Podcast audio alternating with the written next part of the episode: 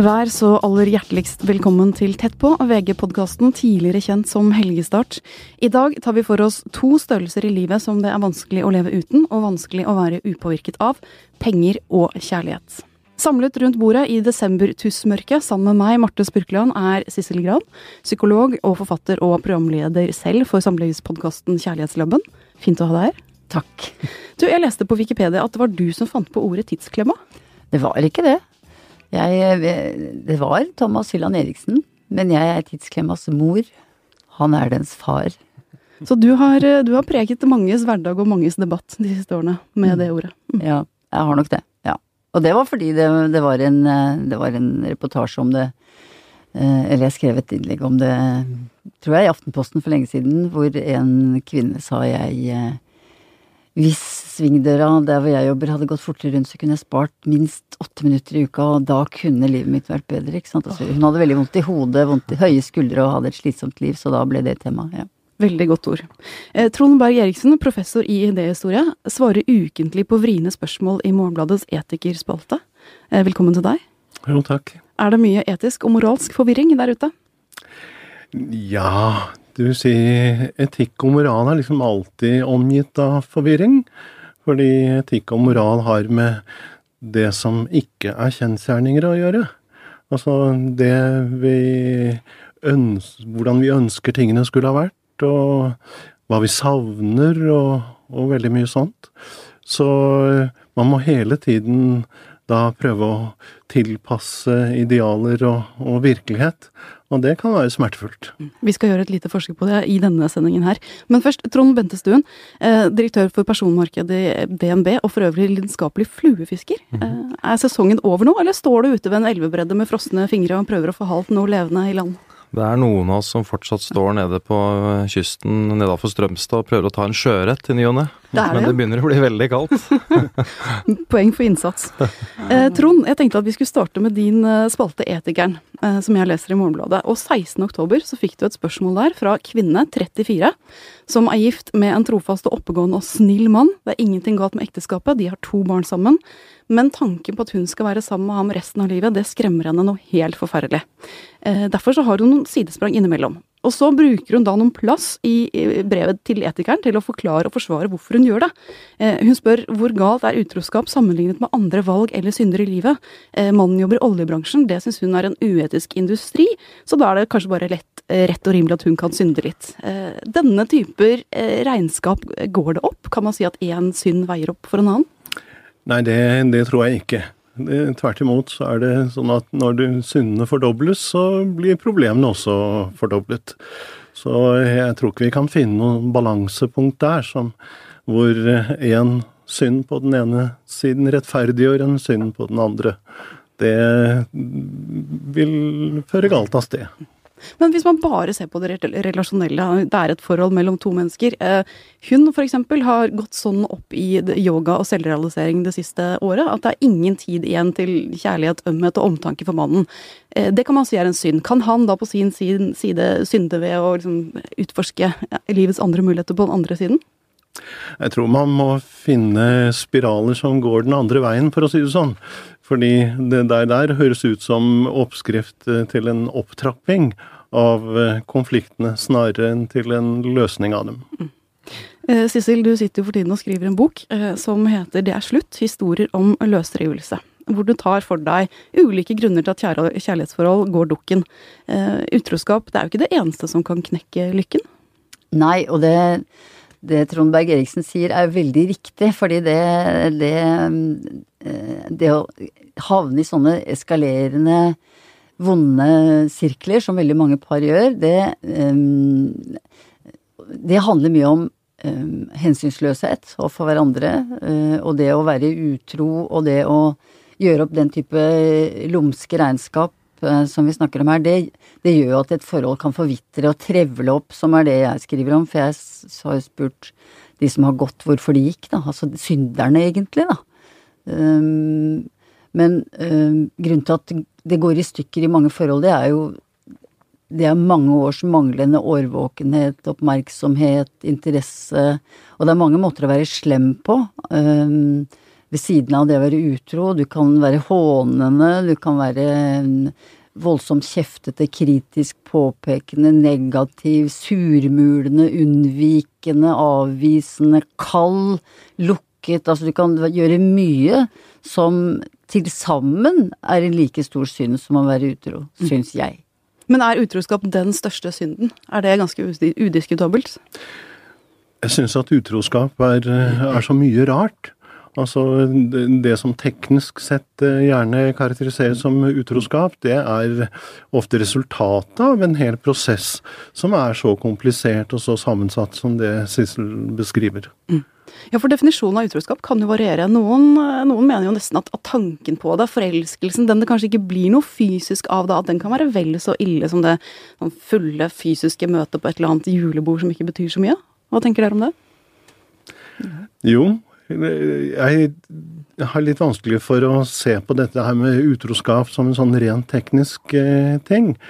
Eh, utroskap er jo også det at man eh, bygger ned den felles mytologien som har gitt parforholdet en individualitet, gjort det til noe særegent. Altså historien om relasjonen? Historien om relasjonen, ja. Fordi vi er jo hele tiden relasjonsbyggere, også ideologisk, i den forstand at vi liksom viser frem bryllupsbildene og forteller hvordan vi traff hverandre og alt mulig sånt.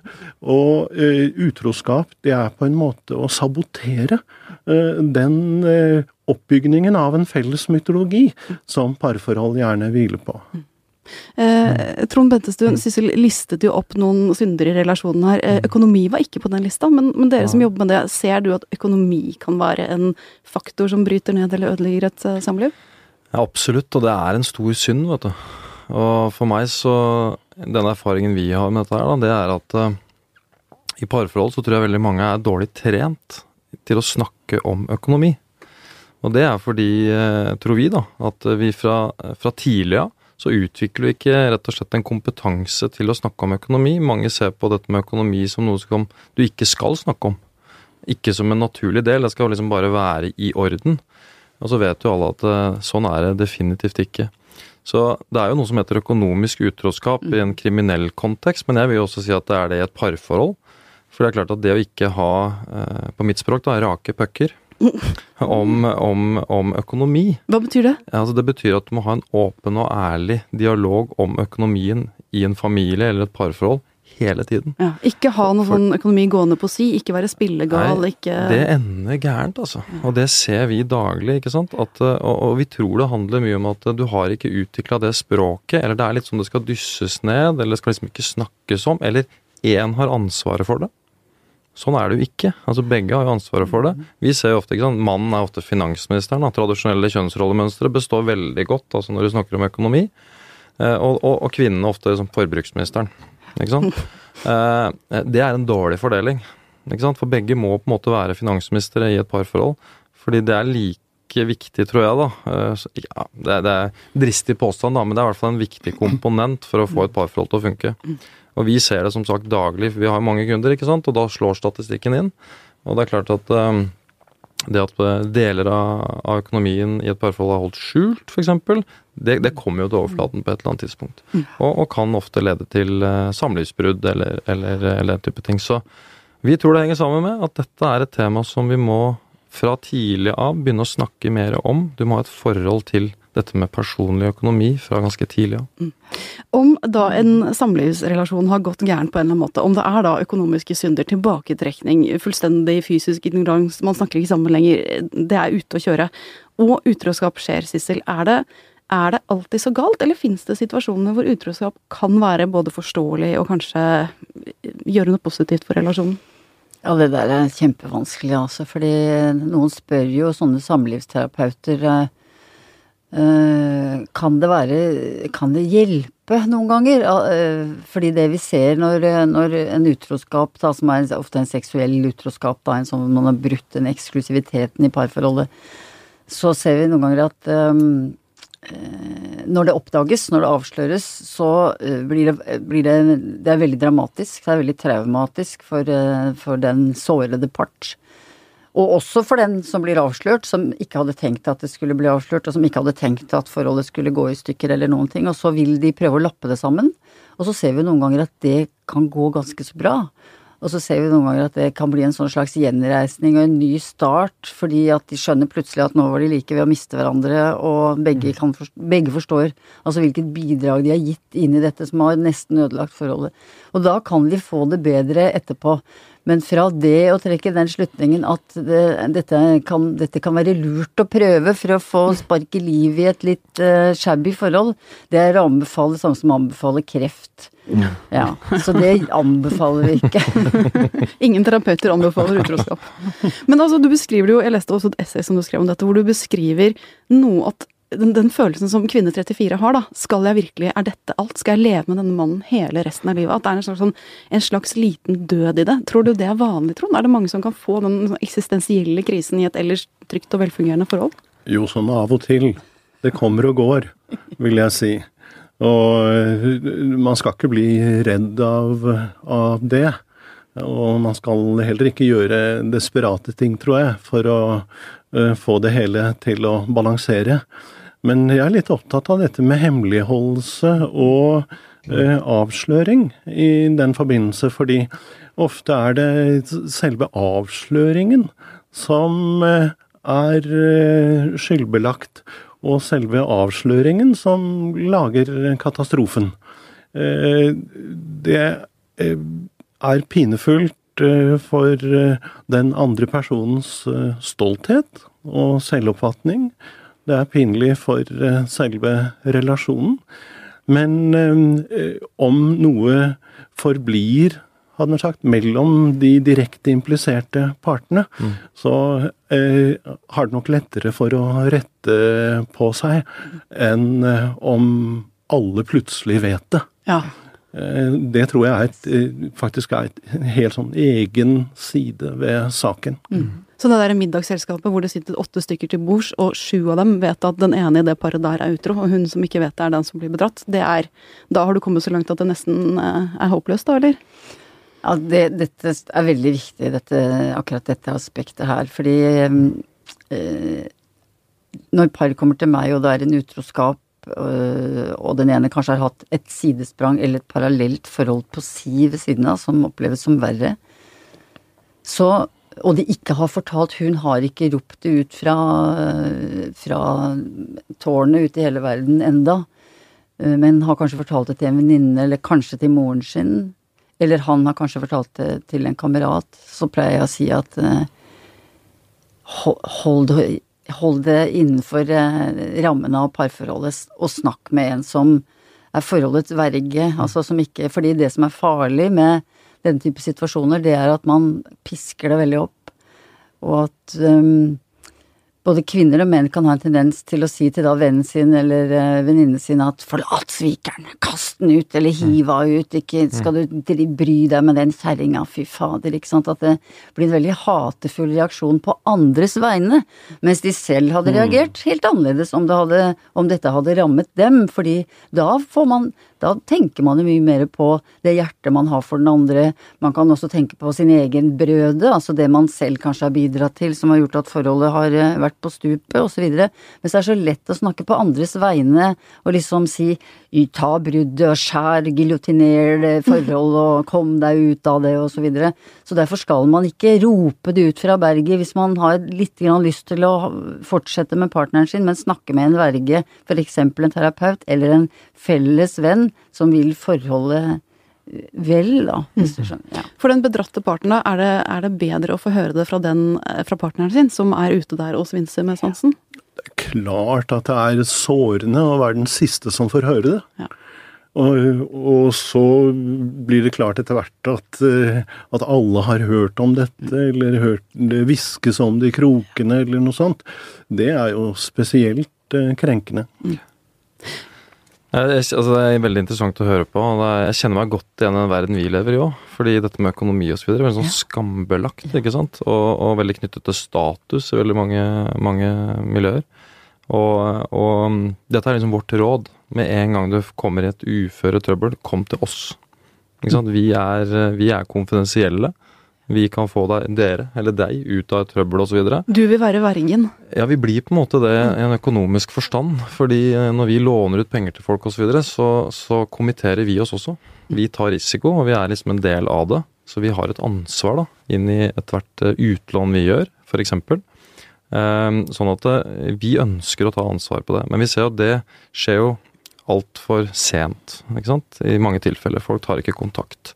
Men det jeg kjenner meg godt igjen i, det er det der med det når du kommer til økonomisk uføre, så sprer det seg i en vennekrets og blir veldig sånn skambelagt og liksom ødelegger kraftfullt, da. På områder som kanskje vi kunne bidratt til at du kunne kommet deg ut av i en, i en uh, konfidensiell setting mellom mm. to personer. Kontra at du liksom skal involvere hele vennegjengen osv. Så jeg kjenner veldig godt igjen det dere snakker om, liksom hold det innenfor uh, ja. Store problemer i små kretser. Det er jo en grei, en grei, regel. Ja. Uh, Sissel, hva med tilliten igjen? Altså, hvis, hvis, man skal forestille seg det selv. den personen du kanskje stoler mest på, har svekket deg på det groveste, du ante ikke noe om det. kan man få den samme tilliten igjen? For jeg skjønner at man kan lappe det sammen, og kanskje har man barn, og ikke har man lyst til å flytte fra hverandre, og dyrt blir det, og alt det der. Så man kan liksom dra det sammen på et vis. Men klarer man å få tilbake den tilliten? Kommer man til å stole like mye på den personen igjen?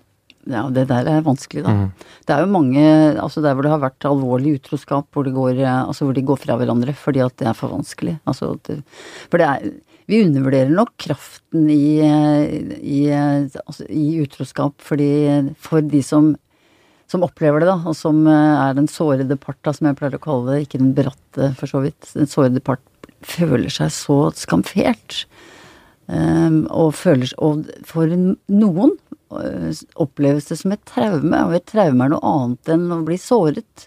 Det er større, fordi at det går så på selvfølelsen løs at du er ikke noe verdt du er, eh, du er så tråkket på, og det er så skambelagt, ikke sant, som du snakker om. Mm, mm. Og det er eh, Det som kan skje med mange, det er også at de mister ikke bare tilliten til partneren. Altså det som er vanskelig, det er at den du stolte på, er også den som har såret og skadet deg, og den personen kan ikke trøste deg, sånn at det blir, du handler i en veldig vanskelig situasjon. Og så er det mange som opplever at kan jeg da stole på noe som helst? Altså, fordi at det der har ringvirkninger, og det smitter over på Kan jeg stole på kolleger? Kan jeg stole på meg selv? Kan jeg stole på verden? Er livet verdt å leve? Er livet egentlig noe trygt sted i det hele tatt? Så det kan ha voldsomme konsekvenser for, for en del folk, og da skal det jobbes hardt for å gjenreise tillit, fordi det har rammet så mange fundamentale eh, grunnområder da, i den sårede part. Mm. Mm. Hva tenker du om, du om det, Trond? Sånn, kan man gjøre noen tankeøvelser når tilliten ligger helt i grus, for å liksom tilgi og våge å få tillit igjen? Nei, dette med tillit, det er en enorm kapital som man ikke skal sløse med mm. Eh, for å ta mm. den mm. siden av økonomien. Mm. Da har man på en eller annen måte skuslet bort eh, hele hele innsatsen eh, som man eh, da skulle vokte over og fornye i en sånn ekteskapssetting. Og det, dette her eh, virker som det er noe temmelig grunnleggende. Fordi det gjelder jo uansett ja, nesten uansett kulturell bakgrunn. Det gjelder heteroseksuelle, homoseksuelle uten forskjell. Eh, så det er veldig mye som avhenger av denne tilliten som da er grunnleggende, og som ikke må eh, skusles bort. Mm. Fordi det å bygge opp et tillitsforhold igjen, det er veldig vanskelig. Da blir det til at man kanskje lever alene og sier at ja, livet er nå en gang en ensom ting. Mm. Og så holder man ut, kanskje, men, men, med en helt annen grunnstemning mm. enn det man hadde mens den tilliten var levende. Ja. Mm. Nå har vi snakket mye om de liksom, totalt ødeleggende sidene ved utroskap, men uh, jeg vil gjerne at vi skal avslutte den, den bolken og se på at uh, er det er det verre ting som kan skje i et samliv enn at det, at det, sprekker? Altså Er det situasjoner hvor du bare må gå fordi at uh, det som den samlivspakka eller relasjonspakka inneholder, ikke er bra? Så det lureste du kan gjøre, er å bryte ut av det. Finne noe annet. Ja, altså der hvor folk Hva skal jeg si ja, Hva er det de sier da? Alle de som de sier 'jeg følte at jeg døde'. Jeg uh, følte at jeg lå i respirator. Jeg fikk ikke puste. Jeg følte at jeg ble en fremmed for meg selv. Jeg kjente ikke meg selv igjen, sånne ting. Og det, det handler jo om forsømmelser over tid. Fra, ofte fra begge sider. Og at du Og det er derfor mange utro, eller mange som er utro, en overlappingsfase, da, eller når de går ut av et forhold um, Det å bli sett av en annen ble Altså, det sparket liv i dem igjen etter at de lenge hadde levd i et forhold hvor de følte at de, eh, at de visnet, falmet, døde. Ja. Mm. Og det, det skaper grobunn for eh, iallfall utroskap, eller et overlappende forhold i overgangsfasen fra det man går ut av og noe nytt man går inn i. Mm. Fordi noen sier jo til meg at jeg måtte redde livet. Det er veldig dramatisk, men jeg tror det er en reell følelse hos noen. Og det kan vi ikke bestride. Vi kan ikke si at du kan ikke føle sånn, eller det er ikke riktig mm. å gjøre det på den måten, for det er jo det veldig mange samlivsterapeuter og psykologer og sånn sier det er veldig viktig hvis du skal ut av et forhold, og gjøre bruddet rent og fint. Mm. Mm. Da må du først liksom gjøre det slutt, mm, og så må du vente noen uker og måneder, kanskje noen år, før du involverer deg med en annen. Veldig fint råd, ganske urealistisk. Mm. eh, eh, kvinne 34 sier jo at det er veldig lett for henne å ha forhold på si, for hun jobber i kulturbransjen. Er mange tilbud der. Det er så lett tilgang på eh, Tror dere det? At det er noen eh, bransjer hvor det er eh, mer umoral, eh, snusk og rusk enn andre? Nei, jeg tror ikke det. Jeg tror dette er relativt uh, jevnt fordelt. Og jeg tror jeg svarte henne også at jeg har drevet i kulturbransjen i, i, 50 år. Og dessverre, jeg har ikke opplevd at presset er spesielt sterkt der. Hvordan er det innen økonomibransjen? Ja, jeg tror det, tror jeg er helt riktig. Jeg tror ikke det er Jeg tror det er bransjeoverskridende, for å si det sånn. Hva med, hva med terapeutbransjen, Sissel? Altså den, den utro terapeuten, det er jo Det er en liten nøtt. Ja, det er skam, vet du. Det, det er skam, fy. Men det skjer? Ja, det er klart det skjer. Men der, eh, man har nok et ideal der som i resten av samfunnet, at man må ha man må være monogam i det man er i, og så må man være ordentlig der, og så går det galt, og så kan man starte på nytt og være monogam i et annet forhold, men det er absolutt ikke mer akseptert i terapeutkretser at du, at du uh, leker med andre enn partneren din. Mm. Eh, Trond Bentestuen, altså, eh, går det an å si noe om prisen på et samlivsbrudd? Hva koster det å gå fra hverandre i kroner og øre? Altså, det koster uh, mye. Altså, det som vi har sett på, ikke sant, det er at uh, dette litt sånn kjønnsrollemønsteret slår ut her igjen, da. ikke sant? At, eh, at uh, menn tjener mer enn kvinner. Uh, kvinner finner seg eldre menn. Mm. Altså sånn statistisk, ikke sant. Mm. Så ved et samlivsbrudd så er det ofte at mannen kommer økonomisk bedre ut, da. Mm. Kostnadene ved et samlivsbrudd er ofte veldig høye. Eh, hvis du skal ta over hus eller eh, den type ting. Det, det, er ganske høye innsatser som, som, kreves da, for å komme seg videre. Og det er jo det vi jobber mye med. For jeg tror det er sånn, dette vet dere bedre enn meg, men jeg tror det er sånn at nesten halvparten skiller seg eh, av gifte mennesker i Norge. I hvert fall det jeg har hørt. Det, dette vet jeg ikke om, jeg, om, det stemmer, men jeg tror det er omkring der. Så dette er en veldig sånn vanlig situasjon å komme i. Og eh, det kan i hvert fall si at du kommer ikke økonomisk i pluss ut av et samlivsbrudd. Mm. Og hun kommer gjerne dårligere ut av hun det? Hun kommer gjerne dårligere ut, altså. Eh, det er et faktum. Mm. Vi skal også snakke litt om nordmenns eh, kunnskap om økonomi, og du var jo inne på det tidligere at den kanskje mm. ikke er helt på topp. Jeg hadde en periode for noen år siden hvor jeg hadde kredittkort, og så bare sluttet jeg å åpne konvolutter med vinduet på. Mm. Fordi at jeg skjønte at det var ikke noe Det, mm. det hadde jeg ikke noe lyst til. Ja. Eh, og det gikk i noen måneder, men mm. så måtte jeg bare begynne å åpne de konvoluttene, og det var jo ikke gode nyheter. Eh, er, jeg, er, jeg, typisk du, for si, Du er ikke, ikke, alene. Robert Schiller, Harvard-professor, nettopp skrevet en ny bok som jeg driver og leser nå. Ikke ferdig med, men han snakker om den økonomiske angsten som et kjempeproblem i USA. da, At uh, veldig veldig mange amerikanere legger seg med økonomisk angst mm. hver eneste kveld. Ja. Mm. Eh, et gigantproblem. Og, og, i USA så er dette problemet mye større, for det er en mye mer forgjelda eh, økonomi da, enn den norske. Spesielt på forbruksfinansieringssiden. Eh, I Norge så er dette et mye, mye mindre problem, i hvert fall hvis du ser på forbruksfinansiering enn det er i USA. Men dette her møter vi også ofte. Mm. Folk som har kommet i så dype problemer at de, de tar avstand fra det ikke åpner regninger, velger å ignorere det og ser ikke noe vei ut av det. Og bare liksom lukker øynene og lar det gå. Det er mer vanlig enn man, man, skulle tro. Vi har lånt ut vår Vi har en sånn forbrukerøkonom som heter Silje Sandmøl. Vi låner henne ut til Luksusfellen på TV3 innimellom. Eh, og hun kommer jo borti disse tilfellene her. Dette er ekstremtilfellene av folk som har møtt et problem. eh, Første gang de møter det, løsbart. Men istedenfor å konfrontere problemet, så bare eh, legger du på problemet. Og til slutt så er det uhåndterbart. da. Det er dette vi er så veldig opptatt av. At det å liksom komme tidlig til oss, da, hvis du møter en utfordring, er veldig lite skummelt. Eh, men vi vet at folk syns det kan være skummelt med bank. Eh, og det har med historien å gjøre. Det er vi veldig ydmyke for. Vi vet at bank har vært litt sånn du kommer til banken med lua i hånda. Vi jobber mye for å prøve å bryte ned de barrierene der. For det er ingenting vi heller vil vet du, enn at folk skal komme tidlig. For som jeg sa i stad, vi tar også risiko. Så vi er litt sammen med deg, da. Ikke sant? Vi, vi, vi sitter også med en risiko der, så vi er veldig interessert i å finne løsninger. Den barrieren må bygges ned. Ja, jeg ble venner med bankene, bare så det er Ja, det er hyggelig å høre. Men altså, du skrev en kronikk i sommer eh, hvor Ja. du listet opp noen eksempler. Det fins russ der ute med mm. forbrukslån og kredittkortgjeld. Mm. Ja. Man begynner tidlig.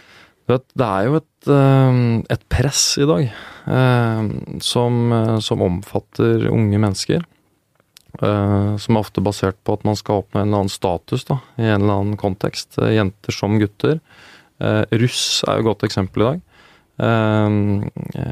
Jeg er jo kun 45, men allikevel så begynner det å bli veldig lenge siden jeg var russ. Jeg husker vi kjørte rundt i en folkevognbuss. I dag så er det svære busser ikke sant? Med, med, med stereoanlegger og ikke sant?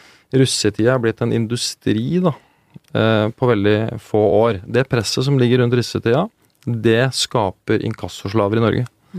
Ikke sant? Eh, fordi eh, de må være med. Og så ser du ikke noen annen vei enn å sette deg i gjeld, og så skjønner du ikke konsekvensene. Dette er jeg veldig bekymra for.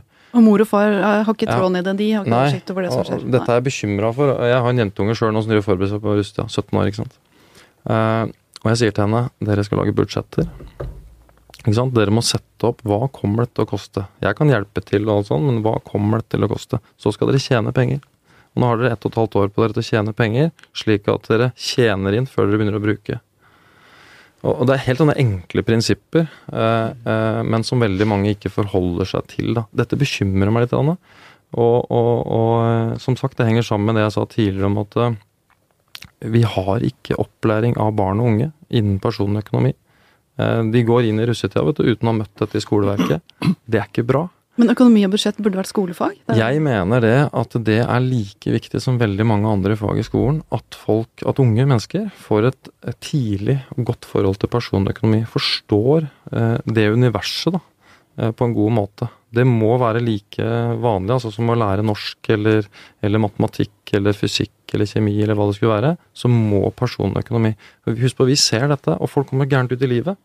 Du gjør feil i veldig ung alder, og banker og andre, de eh, når de skal låne penger til deg, og du kjøper bolig, så ser vi på historikken din. Ikke sant? Men har vi, begynt å, har vi det for godt, rett og slett? Altså, Ja, altså, Jeg vokste opp på 80-tallet, hadde det ikke dårlig på noe som helst måte, men jeg husker at jeg ønsket meg en bålgenser. Noe så intenst. Eh, gjerne sånn rosa og lilla, som ja, det skulle være. det. Og det tok meg et år å mase meg til det, for det var dyrt. Ja. Og når jeg endelig fikk den, så var den gått ut av motebildet, så det var Mm. ikke noe stas. Eh, men det der at man må ønske seg en genser kjempelenge eh, Mine barn gjør jo ikke det, Mm. for klær koster jo ikke så mye, eller den gjennomsnittsinntekten i Norge har blitt høyere, eller Altså, har vi det så bra at vi liksom glemmer verdier, eller? Jeg tror at vi må erkjenne at eh, vi har det veldig, veldig godt i Norge. De fleste har det veldig, veldig godt. Det er noen som ikke har det godt, men de fleste har det veldig godt. Og velstandsutviklingen i Norge har vært helt ekstrem.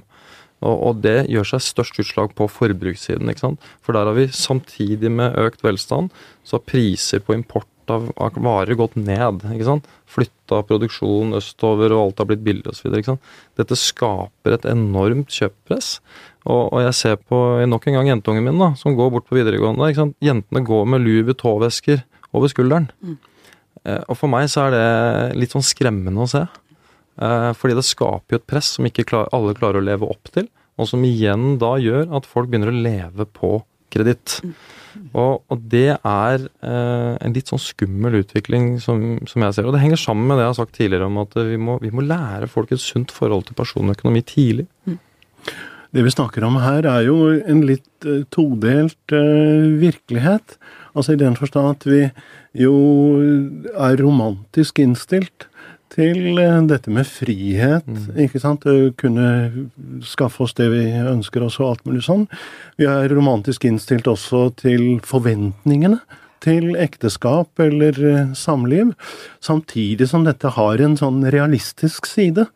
Jeg føler meg truffet av, av det du sier, for når jeg tenker meg om og tenker tilbake på mitt økonomiske liv, så har jeg i grunnen aldri jobbet for noe annet enn å slippe å tenke på penger. Det, er, det er derfor jeg har jobbet så mye som jeg har gjort. Fordi da slipper jeg å telle penger. Vil ikke sette opp det budsjettet. Jeg vil ikke snakke om det. Nei. Ikke sant? Men jeg, han har helt åpenbart rett i at vi må prøve å knytte disse idealene, forventningene og alle de romantiske eh, fornemmelsene sammen med et eh, realistisk eh, grunnlag. Så jeg har også lært noe nå. Eh, Det har jo vært en sånn Facebook-post som har gått viralt denne uka her. En mor til et barn i barneskolen, eller var det barnehagen, i hvert fall som skulle komme på en juleavslutning og kjøpe datteren sitt kunstverk til 50 kroner, for det gjør man. Samler man inn litt penger på det. Hun hadde ikke 50 kroner til å kjøpe datterens kunstverk, så hun lot være, meldte seg syk, lot være, og fikk ikke kjøpt det kunstverket da, rett og slett, og snakker om den, skriver om den skammen når du ikke har de 50 kronene. Er dere bekymret for Forskjells-Norge? Altså noen har Louis Vuitton-veske som skolebag, andre har ikke 50 kroner til å kjøpe datterens kunstverk. Jo, Men disse forskjellene blir jo delvis eh, enda mer kritiske av at forventningene er så høye. Det har noe med ideer og mentalitet og forventninger å gjøre, dette her. Det har ikke bare noe med penger som kan telles, eller idealer som man kan holde opp, eller noe sånt å gjøre. Det er eh, når vi er altfor romantiske, både i omgangen med penger og i omgangen med følelsesliv og lidenskaper og, den slags, så straffer det seg før eller, eh, eller siden. Så vi må ta realismen i hånden og legge den inntil hjertet og høre på den. Ja. Ja, jeg tror det. Jeg er faktisk veldig opptatt av dette klasseskillet eh, i samfunnet som vi ser veldig godt. Fordi at eh, vi tror det blir sterkere og sterkere ut fra et økonomisk perspektiv. For jeg ser, jeg ser jo ikke sant, i min hverdag mer og mer forskjell på de som har foreldre som kan hjelpe dine i voksenlivet, og de som ikke har det. Og det skaper et ganske stort skille. Altså nordmenn, vi investerer nesten alle pengene våre i vår egen bolig. Altså vi er, det, vi er et veldig atypisk folkeslag. Eh, Andre folk eh, rundt omkring oss de sparer mer i andre type eh, spareprodukter. Finansprodukter. Vi sparer nesten alltid boligen her i Norge. Vi putter alle penga inn. Gjennom det så skaper det et enormt klasseskille. Eh, fordi i dag så klarer unge mennesker nesten ikke finansiere sine første bolig uten hjelp av mor og far. Og alle får ikke hjelp av mor og far. Så det der, det er både liksom forventningene, tror jeg, eh, som skaper det, men også hvordan vi institusjonaliserer det. Vi er jo veldig opptatt av sant, å sørge for at låneadgangen for unge mennesker må være god, og den må være lik, ikke sant. Eh, men sånn er det ikke i dag. Eh, Går det an, eh, helt avslutningsvis, er det eh, Nå skulle vi ikke være for romantiske da, men går det an å være, komme fra en bakgrunn hvor man kanskje ikke har de 50 kronene, eller hvor økonomiressurser ikke er det du arver fra, fra mor og far på noen som helst måte. Går det likevel an å liksom lære seg disse budsjettene, begynne å tenke selv og ende opp, om ikke i den økonomiske eliten, så i hvert fall med et eh, liv hvor økonomien og alt er på stell? Eh, Svaret mitt på det er ja, og der er vi jo privilegerte i Norge med det utdanningssystemet vi har. Eh, Så mener jeg at eh, det er et, det er et brukbart utgangspunkt. Men allikevel, hvis jeg skal velge meg én ting, du arver dine foreldre på godt og vondt. Og, og ja, jeg mener at uh, dessverre så arver noen da foreldre som f.eks. ikke tar det økonomiske ansvaret og lærer barna sine om et godt og sunt forhold til personøkonomi. Og hvis du kommer skjevt ut på det økonomiske planet tidlig i livet, så er jeg bekymra for det. Ikke sant? Og, og det, det kan ødelegge veldig mye, da. Så ja, det er muligheter, men det er ikke, Det er ikke så store muligheter heller. det er ikke bare store muligheter, Nei. tenker jeg. Okay. Nei, Da må jeg si jeg er uenig med deg på ett Mm. punkt. Og det er det med å lære å telle penger. Jeg tror det er større sjanse for at eh, de som opplever ressursknapphet, Mm. lærer å telle penger, er enn de som får alt opp i fanget. Absolutt. Ja, det, det er jeg veldig veldig enig med deg i. Og det, det er jo interessant, for det er det vi ser når vi ser undersøkelser rundt oss på andre land, at de landene som har det tøffere, da, de setter jo opp budsjett. Mm. De har et mer aktivt forhold til økonomi. Jeg tror mye av det handler om regulering, fordi Mm. hvis du ikke har lært deg hjemme, og du ikke kan noe om følelsesregulering, så skjønner du heller ikke hva som driver deg. Og det å ha reguleringsevne i forhold til økonomi er knytta til at du har en evne til å regulere deg selv følelsesmessig og si nei til deg selv, f.eks. og si ja til deg selv noen ganger. Og hvis du aldri har lært det, og det er alltid andre som har sagt nei eller ja til deg, og du ikke selv har lært å si ja og nei, og ikke selv har lært å regulere hva du føler og hva du trenger og hva du vil ha og hva du ikke skal ha, så blir du dårlig på både på kjærlighet og økonomi. Vi lar det være nesten det siste ordet i denne podkasten. Men jeg vil spørre dere alle om en, om en leveregel. Altså den neste de desemberuka, da. Hva skal vi gjøre, tenker jeg? Hvordan skal vi være mot hverandre? Har dere noen, noen tips? Trond? Jeg vet ikke, jeg er litt eh, skeptisk til dette med å lage leveregler. Fordi jeg jo ser at når jeg blir bedt om råd, ja, så gir jeg råd om, om hvordan man skal gjøre og leve og snakke og være og alt mulig sånt. Men jeg har jo ikke fulgt disse rådene selv. og, og da blir det noe sånn Det blir litt svevende, det jeg anbefaler. Så eh, jeg er litt opptatt av spranget mellom normer og kjensgjerninger. Og vil ikke at eh, normene og kjensgjerningene helt skal miste kontakten med hverandre. Så jeg tror ikke jeg har så mange leveregler å gi andre, annet enn at de, som Sissel sier, må være oppmerksomme og prøve å få kontroll både over lidenskapene og pengepungen. Trond? Hvis jeg skal være veldig praktisk, da, og, og litt sånn innenfor det grunnen til at jeg sikkert er her, da, med økonomi, så vil jeg si at uh, en ting, eller i hvert fall en erfaring som jeg har gjort meg, det er at uh, mye kunne vært unngått, tror jeg, av problemer, hvis f.eks. man i et parforhold sier at vi har én felles konto. Den skal vi begge deponere penger på til å betale faste utgifter. Da er det lettere å bruke av sin egen pengepung etterpå. Helt sånn banalt uh, råd, men et råd som jeg ser at uh, de aller, aller fleste synder mot. Man innretter seg ikke på den måten. Det burde mange, mange flere gjort. Og da kan man, tror jeg, bedre være rause med hverandre også. Uh, ja, Så det vil være mitt praktiske råd, da. Sissel? Ja, jeg tror det er ett eneste ett grunn, og det er at du skal være snill. Uh, ikke betydningen selvutslettende, men du skal være varm og våken uh, overfor din partner og barna dine og de som er rundt deg, og andre mennesker i verden også. Og hvis du er det, så vil du få mye tilbake. For jeg syns at eh, den kulden som vi ser hos en del folk, og den eh, meg først, det liker jeg ikke. Eh, vi ser at det å være snill, det, det åpner dører. Være varm. Skru på varmen, altså. Eh, Og når du får problemer, ta dem i de små rom. Tusen takk til alle dere, og til vår produsent Magne Antonsen.